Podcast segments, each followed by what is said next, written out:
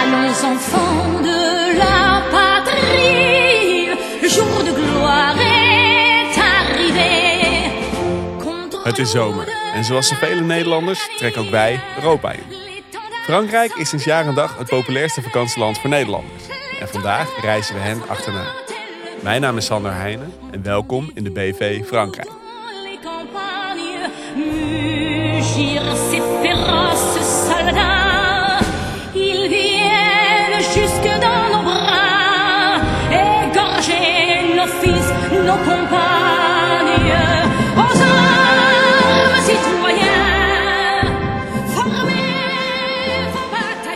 Hendrik Noten. Eindelijk is het zover, oude francofiel. Ik mag mijn francofilie helemaal loslaten. Helemaal je bot vieren op de luisteraar. Lekker laten gaan. Nou, En laten we dan hopen dat die luisteraar na afloop van deze podcast net zo van Frankrijk houdt als jij. Als ik. Nou, in mijn verdediging, ik hield eerst van mijn vriendin.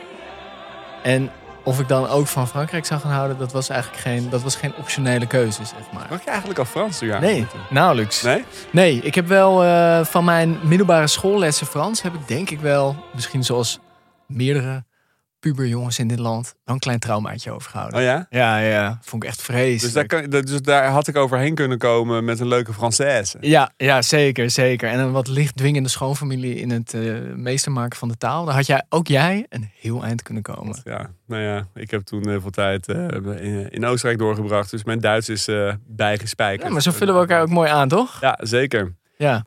Maar goed, Frankrijk dus. Ja, ik heb er gewoond.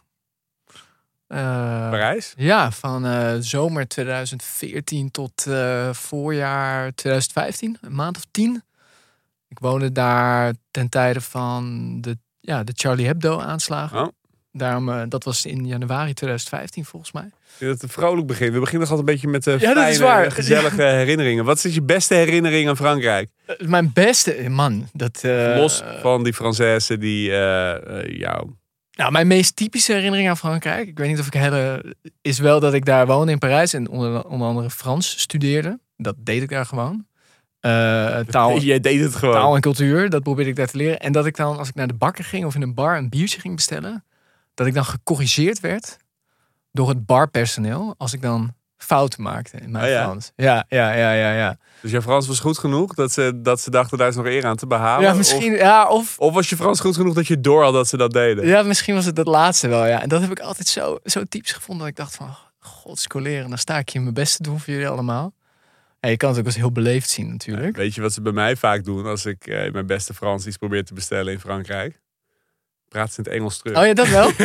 dat is wel pijnlijk hoor. ja, pijnlijk. Maar dat Dan, vind ik ook dan, weer... dan, dan eh, is het dus duidelijk dat het gewoon... eh, nou ja, dan vraag ik me af of ze überhaupt door hebben dat ik het probeer dat ze dachten van, ja, ik hoor wel iets. ja, Maar waar het precies vandaan komt, Ja. ik heb geen idee. kijkt er wel moeilijk bij. Maar ben jij een beetje een francofiel? Of vind jij het toch een land van omhooggevallen, licht arrogante Nou, ik heb... slakkenslurpers? ik, ik, ik vind de slagje op zijn tijd best lekker. Oké. Ja, moet ik, eh, moet ik dan eerlijk bekennen. Maar goed, ik ben misschien een avontuurlijke eter. Ehm, ja, nee, vroeger zeiden we altijd... Frankrijk is een fantastisch land. Jammer dat ze het aan de Fransen hebben gegeven. Ja, zeker. Dat, ik moet ook zeggen, dat zegt mijn eigen schoonvader ook altijd. Oké, nou, Ja. dat is misschien dan toch wel leuk om God creëerde het mooiste land op aarde, maar toen was hij zo moe dat hij op de Fransen zijn best niet meer deed. nou ja. Ja, nou ja. Eh je schoonvader die, eh, is Frans, dus die zal het wel weten. ja, Nee, ik heb vele mooie herinneringen. aan Frankrijk, surftripjes eh, aan de Atlantische kust. eh, waar je overigens altijd wordt getrakteerd in het water op iemand die denkt dat hij Napoleon is. En dan met je op de vuist wilt omdat hij vindt dat je daar als Nederlander niks te zoeken hebt. Oh, dit klinkt helemaal niet aangenaam. Nee, totaal ongasvrij. Maar zodra je dan op het strand komt, dan blijken ze ook de lengte te hebben van Napoleon. En aangezien ik toch eh, meer het fysiek heb van een eh, Noorman, eh, worden dat nooit echt eh, handgemenen, zeg maar. Oh, wat Ja. een opgefokt geheel. Nee, het is echt een triest volk. Ik ben ook wel eens gaan surfen in Ierland. En die Ieren die vinden het dan echt super tof dat je in hun surfbreak komt surfen. En die Fransen die, eh, die, eh, Franse surfer. ja, die zijn er echt ex- die is extreem aan relaxed. Ze hebben zelfs een keer, toen was ik, toen waren we met een groep. En er was een busje bij ons. En eh, toen kwamen we terug bij onze bus naar het surfen. En toen stond er met, met Surfwax al heel groot op die bus eh gekalkt Go Home. Echt waar? ja. Echt? ja. ja Oh. het is geen, eh, ik, ik heb ze niet leren kennen als een gastvrij volk. Nou ja, of jullie waren buitengewoon vervelende Nederlanders. Dat zou nog kunnen. Dat zou kunnen. Dat zou, ja, maar dat zou toch Even hand zijn? in eigen boer. Nee, dat, zou het niet zijn, Dat zou toch? niet zijn? Zo'n keurige jongen tegenover me. Ja, ik ben ook heel vaak op vakantie geweest in Frankrijk. Met mijn ouders gingen we altijd naar Frankrijk. Vroeger camping. Eh, en dan eh, s ochtends deux bouquets et cinq croissants bestellen. Ja, dan kregen we een paar van die, eh, van die eh, Franse muntjes mee.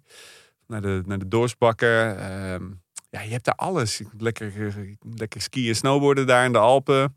Fietsen. Ja, nee, dat klopt. Nee, zeker. Nee, in die zin is het eh, prachtig. Ja, ik zit nog te denken. Een van mijn eerste ervaringen met, met Franse mensen. Toen was ik nog niet met mijn vriendin. Toen, toen studeerde ik nog. En toen was er ook een Franse studiegenote. En die had op een gegeven moment kaas meegenomen. Van haar thuisplaats of zo. Of het was opgestuurd. Ik weet het niet precies meer.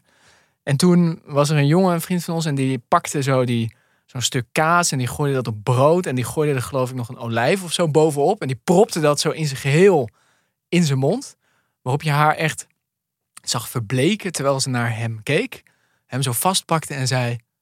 You have to respect the cheese.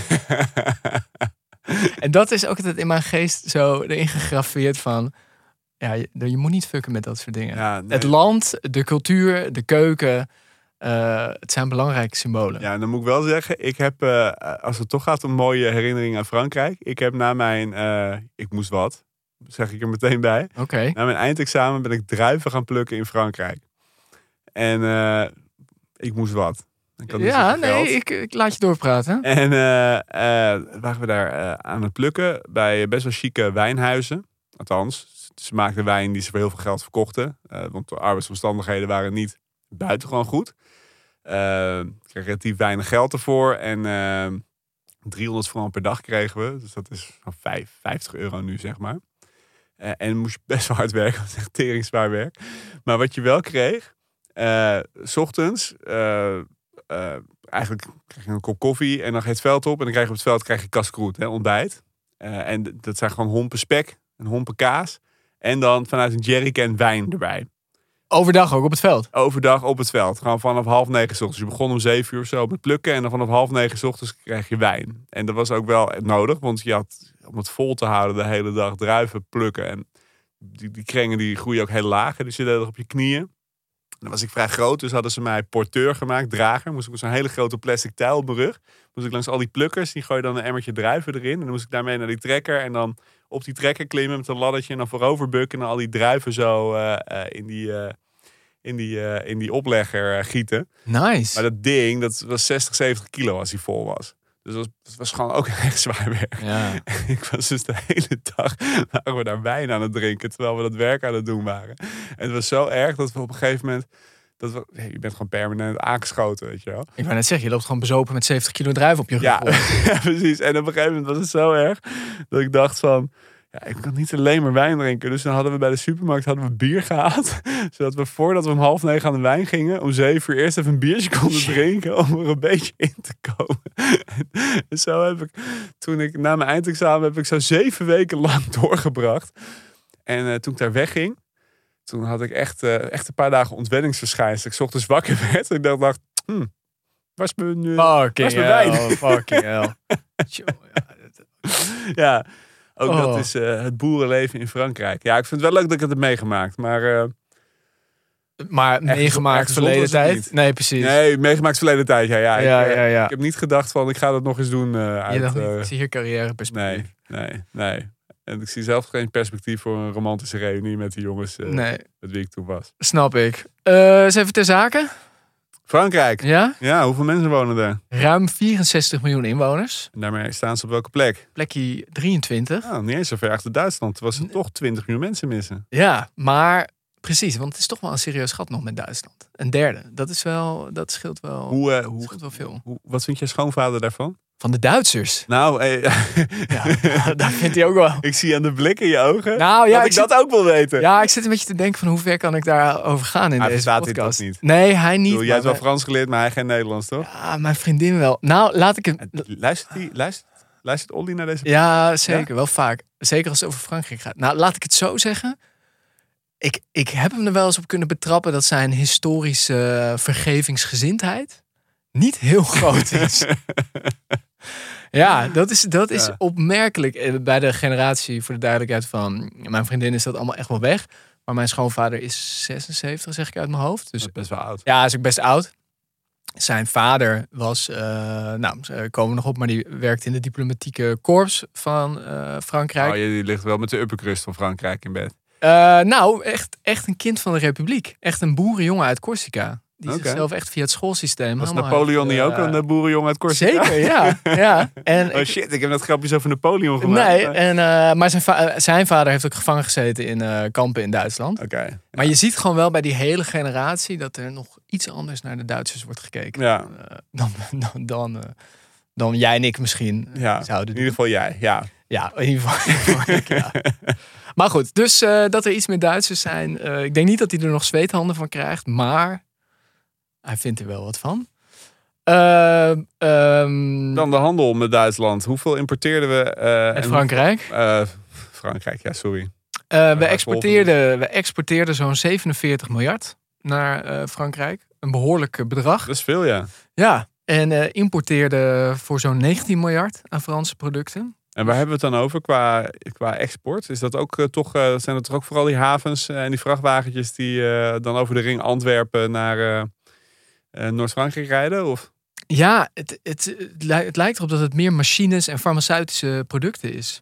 Dus ik vermoed dat het ook wel gewoon echt, eh, ook wel echt hoogwaardige producten zijn. En niet alleen dingen die uit, eh, die uit Rotterdam komen. Dat is natuurlijk op zich ook logisch, omdat die verbinding naar Frankrijk. Frankrijk heeft zelf natuurlijk ook eh, grote, grote havens. Ehm, dus dat lijkt inderdaad een stuk eh, minder. En ehm, dus, dus in die zin is het wel een grote, een grote handelspartner eh, voor ons. En wat eh, importeren we uit eh, Frankrijk? Onder andere volgens mij gewoon auto's. Auto's, Renault, Citroën, Ja, ja, Peugeot. Ja, ja, en verder veel granen en graanproducten. Ja. het is Frankrijk natuurlijk een grote grote graan. graanleverancier. hè? Grote graanleverancier. Eigenlijk na Oekraïne in Europa volgens mij echt een van de grote Dat graanproducenten. zie je ook als je door Frankrijk rijdt. Hè? Als je daar vakantie gaat, dan eindeloos die gele velden. Ja, het is in die zin ook echt een, toch een, Parijs wil dat niet uitstralen, maar het is een beetje een boerenland. Het is Zeker. een land met een, met een grote hoofdstad, maar het is leeg. Inderdaad. En vooral inderdaad eh, in dat noorden bijvoorbeeld heb je echt die eindeloze velden op dat glooiende land. Ja, dat is natuurlijk het ancien regime. Hè? Dat was natuurlijk de landadel die dan eh, resideerde eh, in Parijs. Maar toch hun geld verdiende met het onderdrukken van arme boertjes. Ja. Ja, En dat hebben ze geweten. zo. Ja, nee, die hebben we daar wel spijt van gekregen. Ja. Ja. Dus zo, eh, dat eh, is een beetje onze economische band met Frankrijk. En natuurlijk, tot slot, eh, belangrijk om te benoemen, je zei het al even, verreweg het populairste vakantieland. Zeker. Al lange tijd. Volgens mij gaan jaarlijks zo'n anderhalf miljoen Nederlanders daar op vakantie. En dat weten de Fransen ook. Ja, want daar heb jij ook nog een paar ervaringen mee. Kijk, Ik, ik heb het voordeel in Frankrijk. Ik versta ze niet. Nee, dat Dus- is fijn. Dus, dus wat ze ook zeggen, nou, zolang ze met een vriendelijk gezicht doen, maakt het in die zin voor mij niet zoveel uit. Ja, ik vind het, ik, ik werd daar wel af en toe een beetje eh, gewoon mee vernederd, voor mijn gevoel. Hoor. Ja? het aantal keren dat mij dan gevraagd werd of ik ook een caravan had. Ja, wat is een sleurhut in het Frans? Ja, pff, het is gewoon een caravan volgens mij. Een caravan. En eh haha, nee, heb ik niet. Nou, neem je dan ook je eigen eten mee als je hier op vakantie komt? Ja. Nee, doe ik niet. Franse keuken. Nee, ik ga gewoon lekker doorgekookte doperwten uit blik eten die ik mee heb genomen. gevoelde eh, clichés ja. over de Nederlandse toerist. Ja, Ja, cliché. Misschien is het ook een beetje waar, dat weet ik niet. vrees. Ik vrees dat er eh, wel enige kern eh, in zit. In Ja. geval. ja. Ja, dus het is ook volgens mij een beetje haatliefde. Want laten we ook eerlijk zijn, er zijn hele regio's in Frankrijk die gewoon draaien op de Hollandse toerist. Ja. Dus het is ook. Maar laten we dan ook weer eerlijk zijn. Die Franse keuken is natuurlijk in heel veel regio's zwaar overrated. Want dan ga je ergens wat eten en het is vaak gewoon Thai vlees. Ja. Met, met frietjes en het is ook niet hamburgertje. hamburgertje. Ja, Ja. het is vaak niet zo goed hoor. Nee, oké, eens. Nou, ik hoop dat uh, Olly niet luistert. Nee, Ehm, dat eh, wat betreft onze verhoudingen met eh, Frankrijk. Misschien is het interessant om eens naar eerst eens even naar de politiek. ja, je wil de politiek gaan. beginnen hè? Ja, eigenlijk wel. Ja, want, want, want even, hè, Frankrijk heeft presidentieel stelsel. De president heeft daar eindeloos veel macht. Ja, En dat is maar goed ook voor Macron, want hij heeft geen meerderheid in het parlement. nee. Dus Neem ons de, even mee. de president, eh, presidentieel systeem. Dus het is, eh, eh, er is gewoon een parlement, een Eerste en Tweede Kamer als je wil. Daarin heb je ook een meerderheid nodig en je hebt een premier. Maar de president is eigenlijk een van de presidenten sowieso in Europa, maar ik denk eigenlijk op het internationale speelveld. Bijna nergens heeft hij zoveel doorzettingsmacht als in Frankrijk. Nou, binnen democratische landen, ja. Ja, goed. Of kunnen- landen die zich afficheren als democratisch. we zouden natuurlijk het uitstapje kunnen maken naar andere presidenten, inderdaad. Ja, we maken geen BV Rusland, maar eh, Nee, die heeft ook wel, eh, ook wel enige, enige eh, uitvoerende macht. zeker. En waar de Franse president dat vooral heeft, is over zijn buitenlandbeleid. Ja, maar niet alleen, want dat is met de afgelopen jaren. Moet jij misschien maar iets meer over zeggen. Maar wat ik zo fascinerend vind, is dat hè, bijvoorbeeld met die pensioenwet daar. Dat de Franse president gewoon de macht heeft om te zeggen. om het parlement gewoon te schorsen. Te zeggen: ja, het parlement is hier wel tegen. Maar ik weet het beter. Ik, ik, ik onthef ze even uit hun bevoegdheid en ik druk het gewoon door.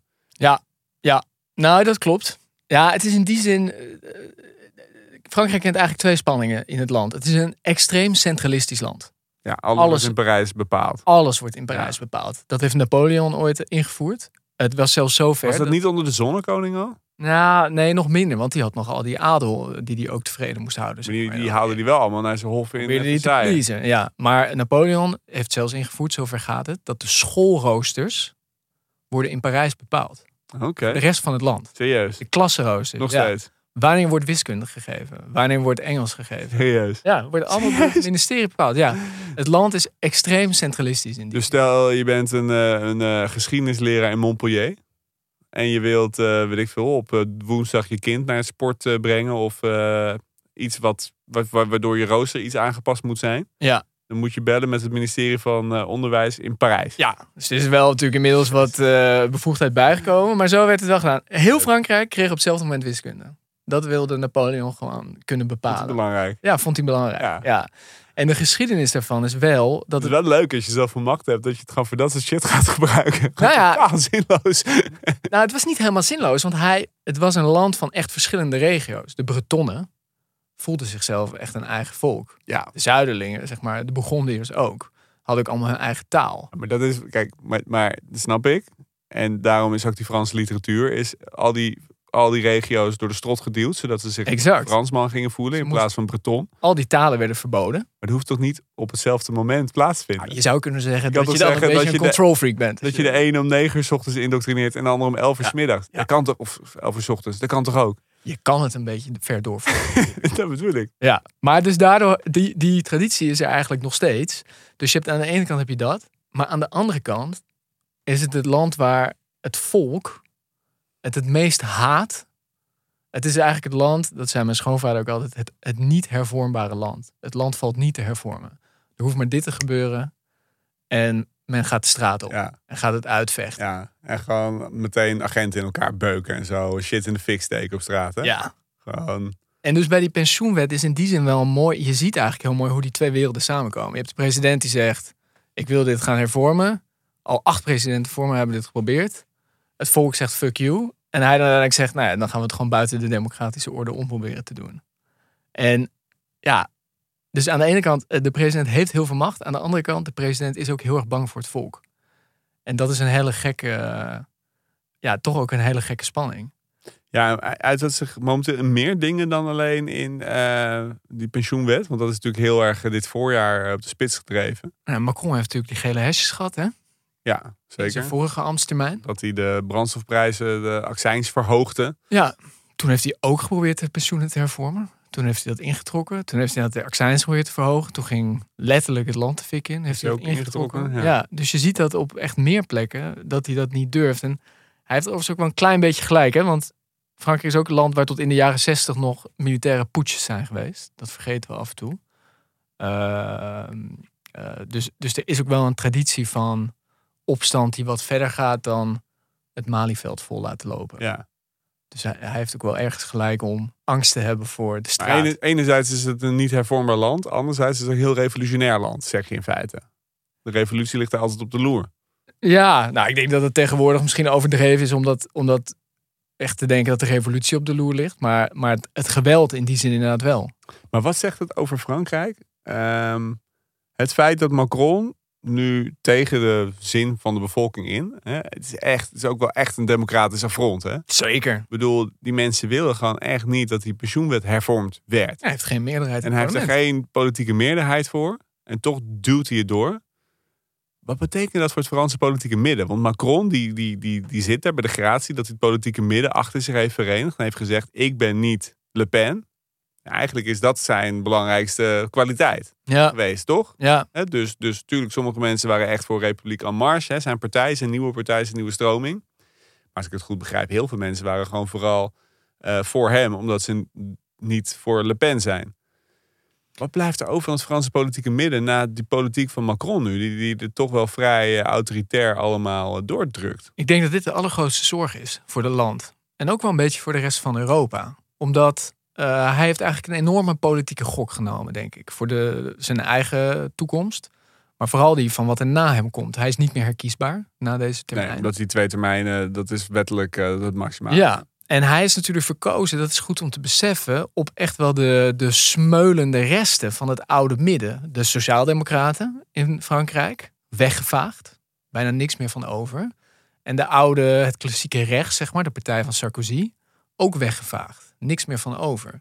Dus het landschap bestaat uit drie dingen. Er is Macron in het midden.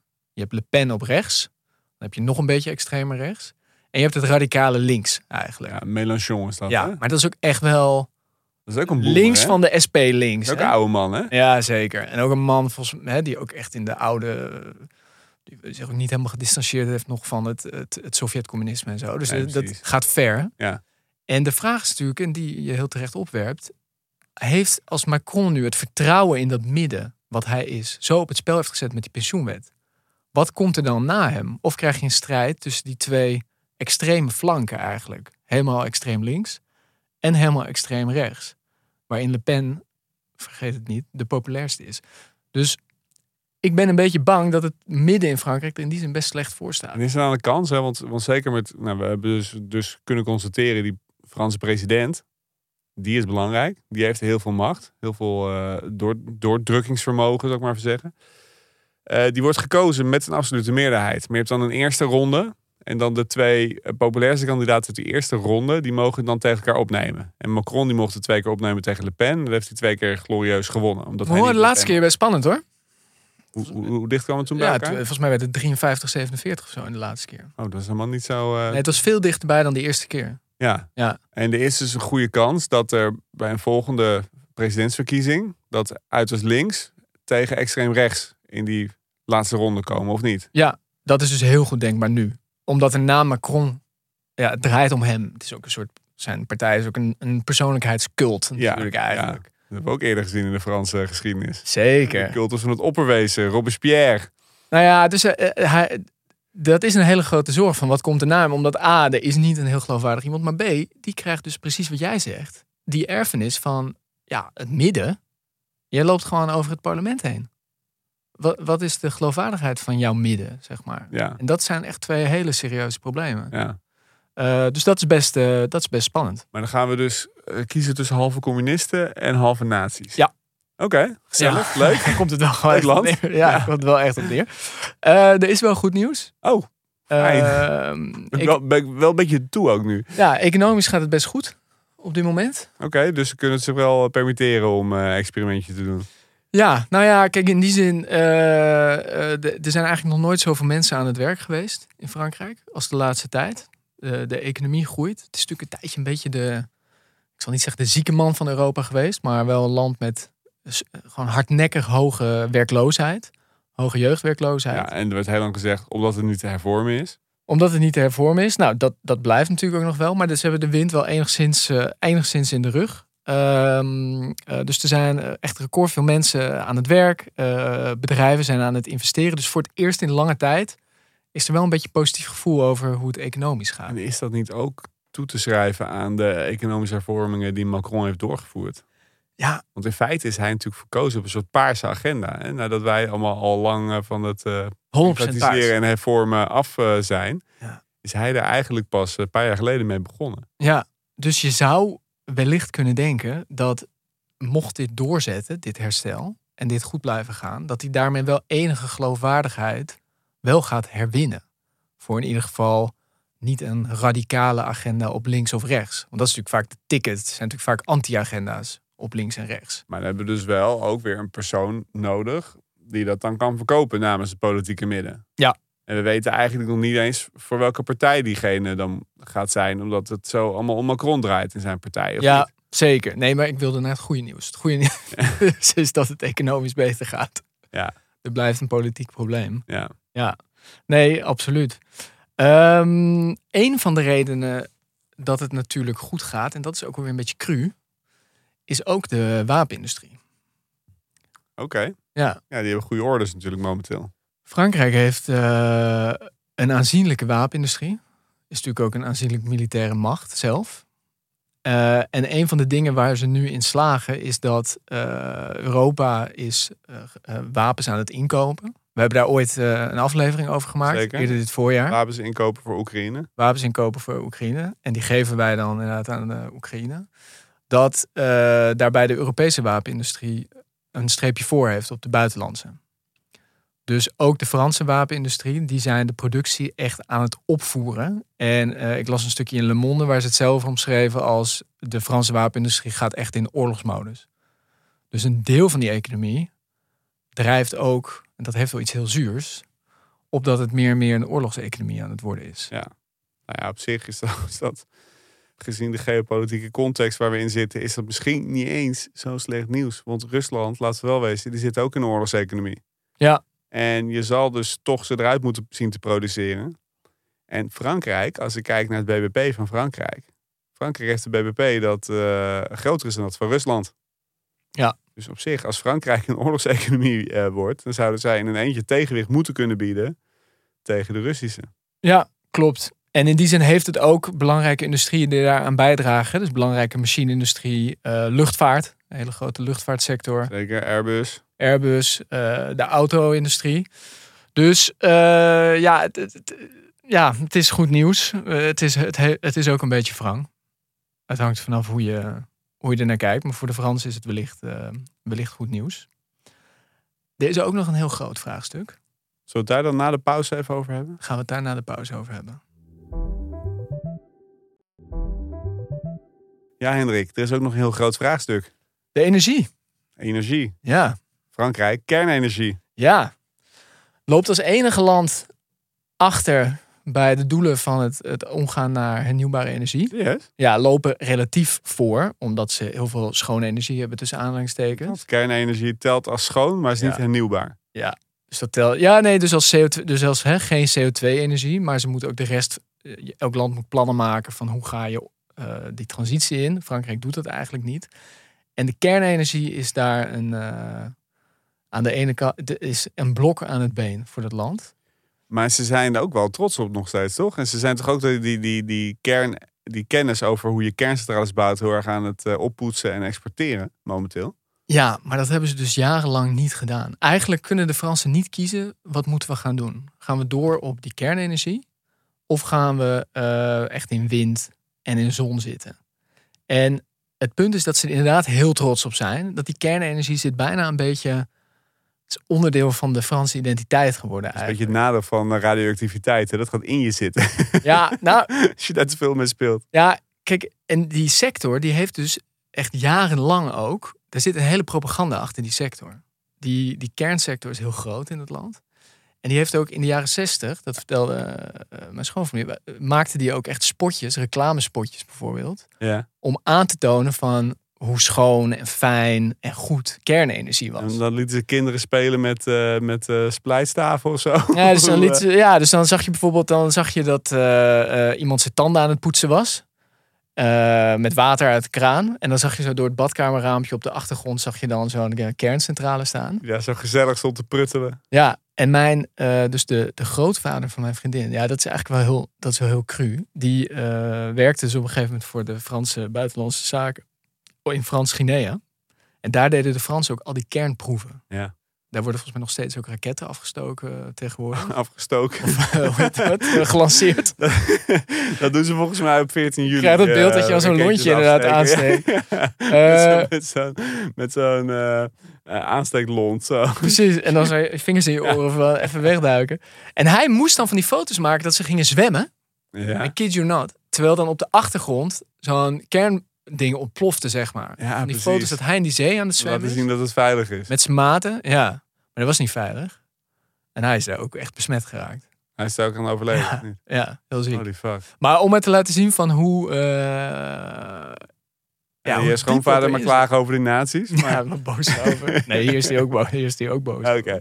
Eh, maar die lobby bestaat nog steeds eh, tegenwoordig.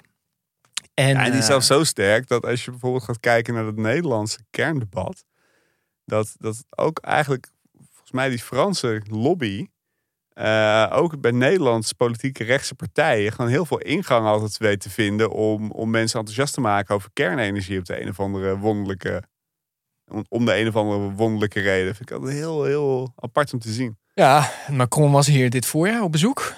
En in zijn slipstream zat Rob Jetten met eh, de Franse kernsector eh, te onderhandelen Ja. over onze twee nieuwe centrales. Ja, terwijl wij ondertussen ons allemaal zaten te, te verlekkeren om een Macronse poging om iets in het Nederlands te zeggen. Werd hij van deal gesloten. Tussen kregen wij een kerncentrale door ons mik gedaan. Ja, en wat ik interessant vind, Jongen, jongen. In dat Frankrijk ook. zitten opletten, nee, maar ook in Frankrijk zie je dat bijvoorbeeld Marine Le Pen op rechts, die is natuurlijk heel erg voor kernenergie. Tuurlijk, want, Want rechts die- is altijd voor kernenergie. En die windmolens, ja, die, die tegen. corrumperen het, het, het originele, typische Franse landschap. Ja. Dus het wordt ook mega cultureel gemaakt. ja. Dus het is helemaal niet van, is het goedkoper, is het beter, hebben we er wat aan? Het is meer, dus- past het bij ons? Dus er zit helemaal geen business case verder achter.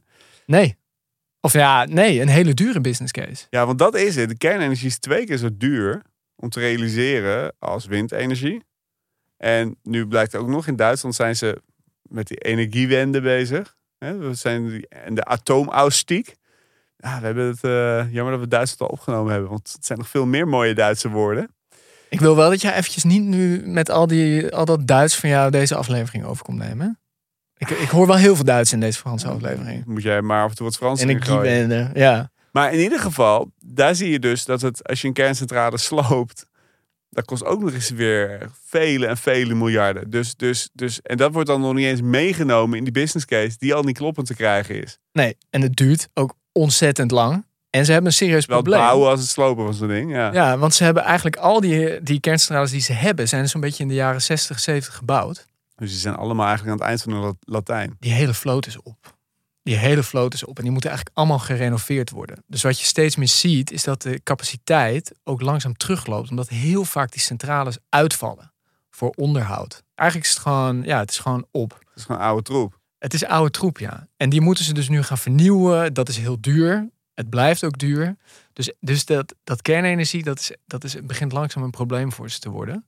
Maar ze zijn nog niet zo ver dat ze daar een volwassen gesprek over willen voeren. Ah, nee. Maar nee, nee, nee. En dat culturele, dat vind ik ook heel fascinerend. Dat, ja, dat hebben wij natuurlijk ook een beetje gehad, hè? Van windmolens. Maar ja, ons landschap is inmiddels zo... eh, Ja, maar ik bedoel, als er iets toch eigenlijk bij onze cultuur zou moeten passen, zijn het windmolens. al, al moet ik wel zeggen dat ze in de 17e eeuw dat ze wel kleiner waren dan, eh, dan die 300 meter hoge masten die nu eh, her en der verrijzen. ja. Ja, ja, ja, ja. Ja. is dat, want ik, ik, wat ik eerlijkheidshalve mij wel kan voorstellen, als je dat heel Frankrijk vol knalt met windmolens, dat doet ook wel iets met dat landschap. Ik vind oprecht, als je, als je bijvoorbeeld in Friesland bent, nou, Friesland is natuurlijk, ja, sorry voor de Friesen die luisteren, Gaan we nu zeggen, eerst met alle respect voor Friesland, maar... ja, die hebben die provincie wel echt motherfucking lelijk gemaakt. dat klopt wel. Het woord landschapspijn komt niet voor niks uit Friesland, hè? Maar als je dan vanuit, eh, vanuit Friesland, zeg maar vanuit, eh, vanuit Sneek die richting, eh, in de richting de Afsluitdijk rijdt, dan, eh, nou, het land is helemaal strak getrokken. Maar die windmolens, die zijn op zo'n schaal, dat past gewoon eigenlijk helemaal niet in de schaal van het landschap. En dat, dat is natuurlijk, voor ieder landschap geldt dat. We hebben niks dat zo'n schaal heeft als ja, de Eiffeltoren in Parijs. Maar zo groot zijn sommige van die windmolens. Nee, tuurlijk. Maar goed, je kan niet, dat klopt. Maar je kan ook niet gewoon niet alles tegelijk hebben. Je kan niet en schone energie en vooruitgang en het klimaat. Ja. En ook nog dat je uitzicht een beetje onbezoedeld is. Nee, maar kunnen de Fransen eh, dit debat beter voeren dan wij hier in Nederland? Of- Nou, nee, ik denk het niet. Maar wat wel pijnlijk is. of zijn is ze dat- daar wel, wel, wel eensgezinder in dat ze het niet willen?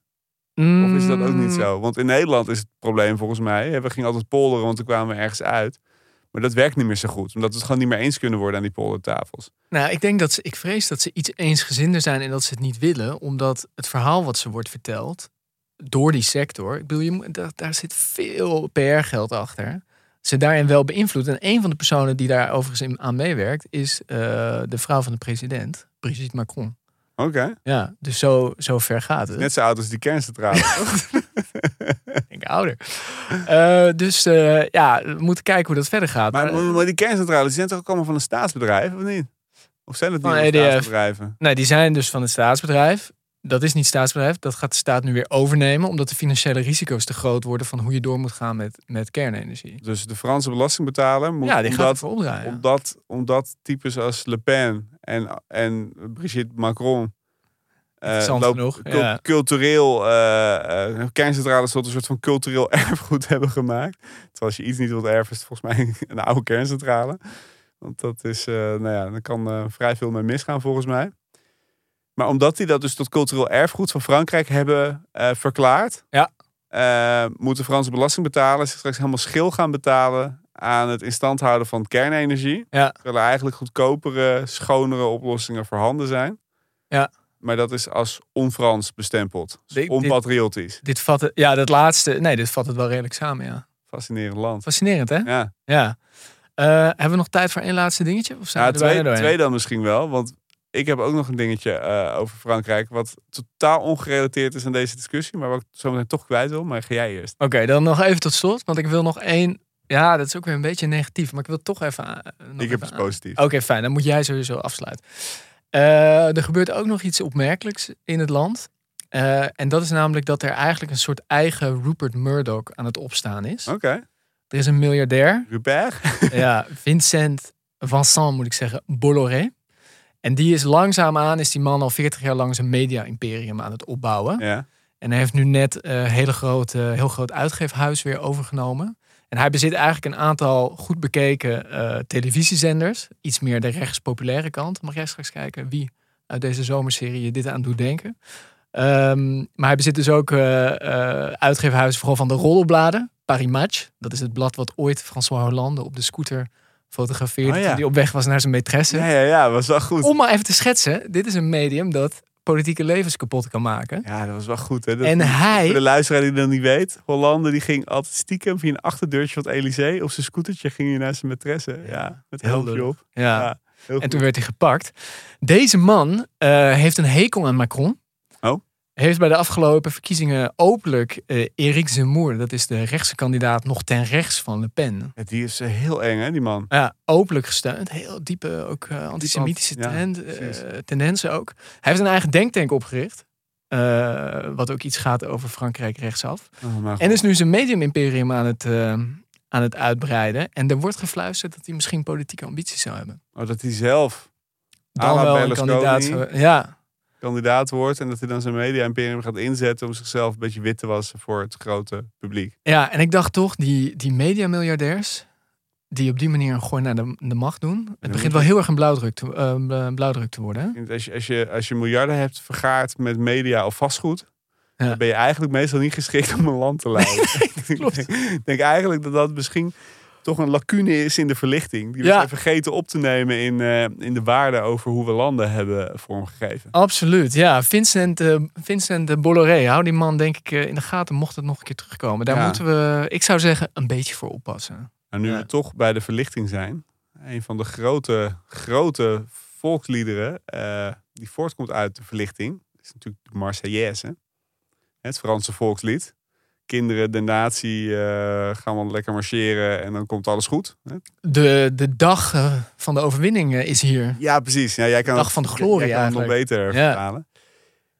Ik heb een theorie over waarom Frankrijk zo vaak wereldkampioen voetbal is geworden. Oh, maar dit is, dit is het afrondende rubriekje, beetje toch? Dat denk ik, ja. Ja. ja. Vertel. Komt door dat volkslied. Oké. Als je aan het begin van zo'n wedstrijd staat, hè, dan zie je, dan staan ze allemaal op zo'n rijtje en dan moeten ze volkslied zingen. Dan zie je het Nederlands elftal, zie je altijd een beetje moeizaam dat we Helmers mee murmelen. Dat is ook echt een heel moeizaam lied. Hè, dat is Wilhelm, Ja. slow. Slepend. Ja, en, en je snapt ook meteen, hè, want dit was ons strijdlied in de 80-jarige oorlog, het Wilhelmus. Dus je snapt ook meteen waarom... die- Gebruikten we dat ook als strijdlied? ja, dus je snapt ook meteen waarom onze onafhankelijkheidsstrijd 80 jaar geduurd heeft. Dat is het einde van het liedje door dat lied. Ja, dat lied was veel te slow. Ja, dan ga je niet lekker eh, je loopgraaf uit. Maar als je het Marseillaise hebt gezongen, Ja. heb je gewoon echt zin om iedereen die je tegenkomt op te eten. Dat is gewoon zo, er zit zoveel power en kracht in en die tekst is ook goed. En ik denk dus dat Frankrijk zo vaak wereldkampioen is geworden. Omdat zij met z'n allen uit volle borst dat volkslied mogen zingen. Ja, mooi. En om de theorie te staven, als het niet worden, is vaak Italië kampioen. Je moet eens luisteren naar de Italianen die een volkslied zingen. Daar zit nog meer power Het is in. ook zo'n marslied, echt. zo'n marslied, ja. Ja. Dus ik denk dat dat ehm, de tweede wet van Heine. De tweede wedstrijd. nou, hebben, we, hebben we goed volkslied en dan worden wij ook een keer Ja, wereldkampioen. precies. We moeten gewoon een nieuw volkslied ja, maken. als we dus toch besluiten om dat Koningshuis eventueel een keer aan de kant te schuiven, dan zouden we twee vliegen in één klap kunnen pakken. Natuurlijk. kijk. Beter volkslied en wereldkampioen. Nou, ik ben voor. ja, Ik- nou, ik nu denk hebben we ook een goede trouwens- pitch. Ja, ik denk, dat- Eindelijk. ik denk dat je inderdaad hiermee een heleboel mensen eh, eh, tegen het Koningshuis eh, opgezet krijgt. Nou, mooi. Nou ja, Frankrijk dus. Als ik het moet samenvatten, eh, economisch gaat het best goed. Ehm, Politiek maar- onzeker. politiek. best, wel, ja, best wel onzeker. En, en ja, hoop ik dat. eh, ja, je hoopt dat het meevalt, maar het, ja, het is wel onzeker. Nou ja, en tot slot voor mensen die nu nog ergens op de autoroute of de peage rond eh, dwalen met een sleurhut vol met aardappels en blikken doperten. Trek het je niet aan. Waar moeten die sowieso even langs gaan? Ehm, nou, in augustus, dus zou ik echt zeggen Parijs. Ik vind Parijs geen eh, geweldige stad. Maar in augustus zijn alle Parijzenaren weg. En dat pleit wel heel erg voor de stad. Voor Ja. de stad. Ja, Het is dan ook wel 83 graden, toch? Ja, ja, dat wel. Maar de, de sfeer wordt echt veel rustiger en daarmee wel heel fijn. Eh, een beetje caravan naar de Champs-Élysées. ja, dat misschien niet. Parkeren we ergens. Ja, goed. Nou, dat- los dat op voor jezelf. Ja. Eh, ga lekker zitten aan de scène. Daar kan je dan. eh, die is nu helemaal autovrij, hè, dus daar kan je heel lekker chillen.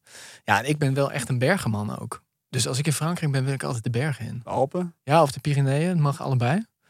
Eh, ja, daar kom ik wel helemaal tot rust. Zit er deze zomer niet in, helaas. Nee, voor jou niet. Enige nadeel van vader worden is dat je eh, dit allemaal even moet skippen een jaar. Ja. Nou, misschien zijn er meer nadelen, maar. Nou, daar kom je nog wel achter. Ja, dit is. ik, zeg, ik zeg niks. Eh, maar dat zou, ik mensen, dat zou ik mensen aanraden. En ik zou ook zeggen, laat je vooral niet ontmoedigen door al die types die Engels tegen je gaan praten. Of een beetje brommen. Blijf Echt. gewoon je middelbare school Franse, Franse Ja, herhalen. Ja, jong. En laat ze lekker in hun sop gaar koken. Ja, Ze mogen heel blij zijn dat wij daar elke zomer naartoe trekken met elkaar. zo is het ook. Ja. Oké dan. Nou jongen, dan eh, lijkt me dit eh, eh, genoeg over Frankrijk. Ja, zeg ik bedankt voor het luisteren. Heb je vragen, opmerkingen? mail even. bvnederland.creator-podimo.nl Ook te vinden in de show notes. Of volg ons op de socials. Instagram BV Nederland. Of op LinkedIn. Sander Heijnen, Hendrik Noten. We delen daar niet heel veel vakantiefoto's. Dat is misschien voor iedereen. iedereen wel prima. Dan wens ik iedereen die luistert nog een hele fijne zomer.